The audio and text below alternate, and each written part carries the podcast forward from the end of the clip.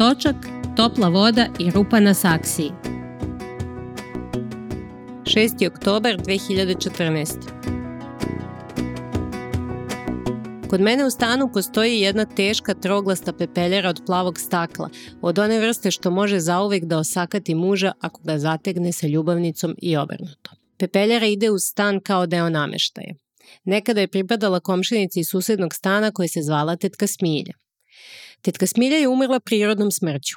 Pepeljara je bila kao danas ljudima mobilni telefon, stalno u rukama, a osim po tome Smilja je bila čuvena po još nekoliko stvari.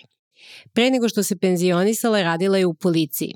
Ne znam šta je bila u policiji, verovatno službenica, ali u dečoj verziji bila je neka mešavina Kegni i Lacey i poroka Majamija, jer kad god bismo u kraju spazili nešto sumnjivo, tetka Smilja je znala čiji broj da okrene da istraži slučaj. Bila je zakleti slobista i SPS-ovac do smrti, kako je priliči penzionisanoj policijskoj službenici.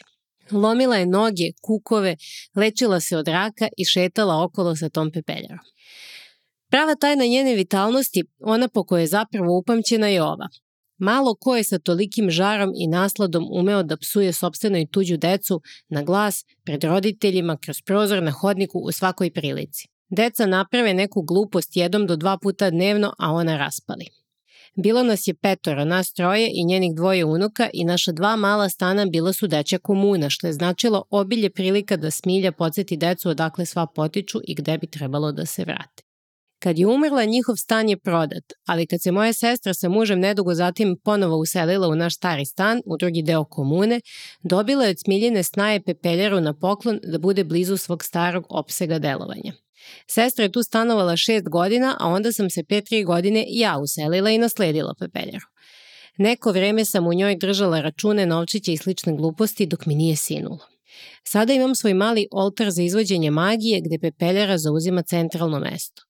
Kad mi dođe da povratim vitalnost, kad sam pod stresom ili bih nekoga da pošaljem tamo odakle je potekao, upalim mirišljavi štapić, prizovem duh pokojne smilje i kao lik Jensa Stoltenberga u fonku krenem da po modelu srpske tradicije pravim nizove i nizove psovki i koristim ih kao neku vrstu mantre što, kako kaže Jens, ima okrepljujuće dejstvo i ume da potraje. Meditacija pepeljare, tako sam je nazvala, jedan je od bezbroj načina da se povežemo sa univerzumom, a mantra se zove Jens Smiljina mantra i mogu inicirati svakoga ko je zainteresovan.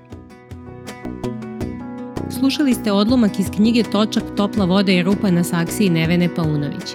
Knjigu možete poručiti na sajtu izdavačke kuće Racio i pronaći u Delfi knjižarama.